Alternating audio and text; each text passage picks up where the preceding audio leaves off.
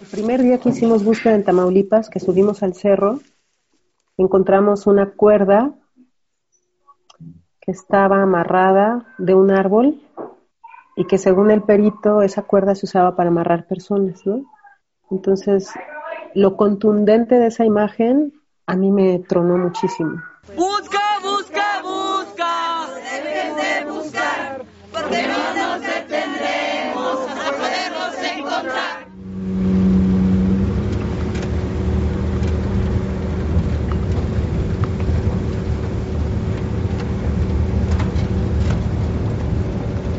Estamos hablando primero de conocer el contexto al que vas, eh, tener información adecuada y después mantener un, monitoreo constante. Y después este, viene poder entrar y salir con seguridad de los lugares y esto implica tener contactos que te permitan, por ejemplo, si en algún momento sucede una situación de riesgo, eh, recibir algún apoyo, ¿no? Recibir apoyo de personas que te están eh, que están cerca del lugar. Eh, y esto ya es una red de apoyo más local, ya no tanto con periodistas.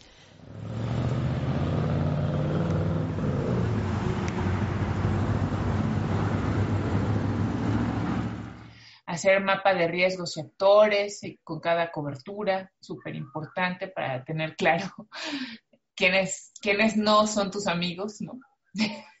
Porque a veces uno tiende a confiar, sobre todo cuando está uno como muy muy desesperado, que quieres confiar en alguien que realmente no debes confiar, ¿no? Tienes que tener como mucha frialdad.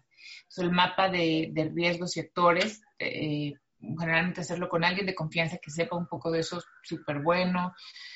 Em, y sí, yo creo que rotar los temas, o sea, cubrir violencia, sí, sí o sea, hay un desgaste que no, no puedes, no te lo puedes ahorrar, ¿no?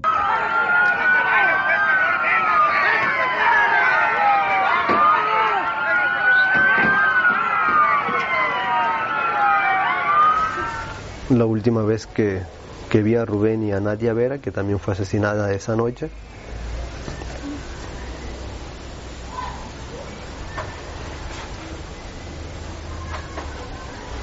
Y en la Ciudad de México como 10, 10 o 12 días antes de que lo asesinaran. En otro caso acudía a los sistemas de, de, de protección del Estado, pues es una vacilada, ¿no? O sea, también hay un tema ahí de burocracia y de cosas que, vaya, o sea, está todo planeado para que no funcionen, ¿no? No son la solución al problema, son eh, curitas que vas poniéndole a la circunstancia, pero la solución sería que se acabe la impunidad. Una vez, una vez que hay un costo real por agredir a un periodista o a cualquier persona, Ah, entonces sí estás hablando de un mecanismo de protección.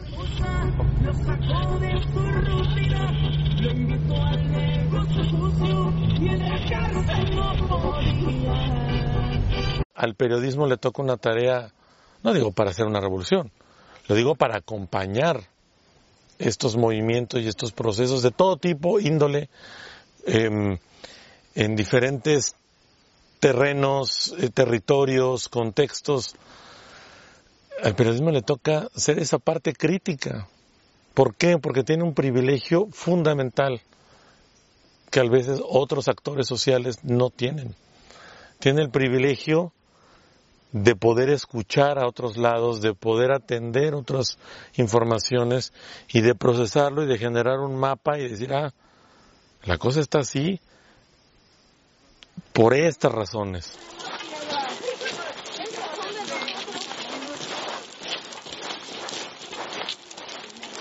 O sea, los riesgos de la seguridad física siempre están presentes y esos son tangibles y creo que son que son más evidentes de atender, o sea, más es lo primero que atendemos porque son los más evidentes, ¿no? Si no detectamos esta necesidad de la seguridad emocional tanto como la seguridad física, eh, las, vamos a tener consecuencias, ¿no? Y pocas veces creo que ponemos atención en eso y cuando tenemos, ponemos atención en eso, pocas veces lo atendemos.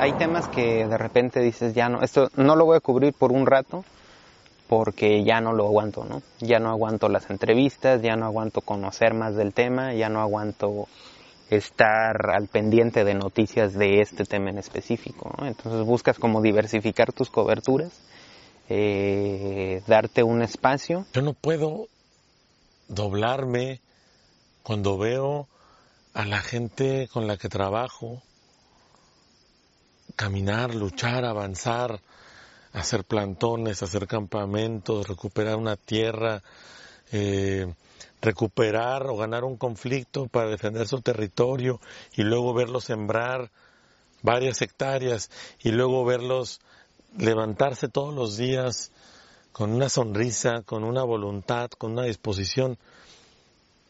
El cansancio que tengo a veces o la tristeza que me genera a mí en lo personal se me, se me empieza a deshacer y encuentro un, una motivación, encuentro una alegría al trabajar cuando veo eh, estos escenarios de fortaleza.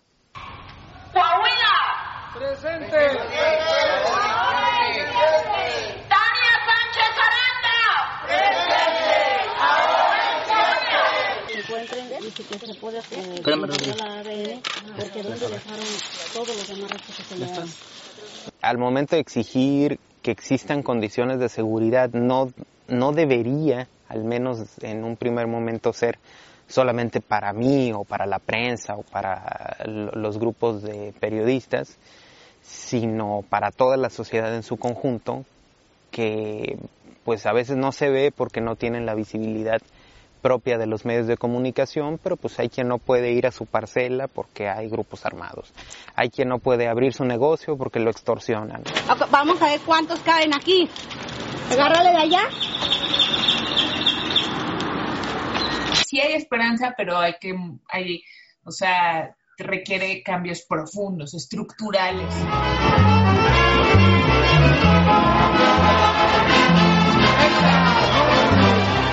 Al periodista le toca la gran responsabilidad de documentar al mismo tiempo que es parte de los procesos de cambio y de em, participación social y política de la gente.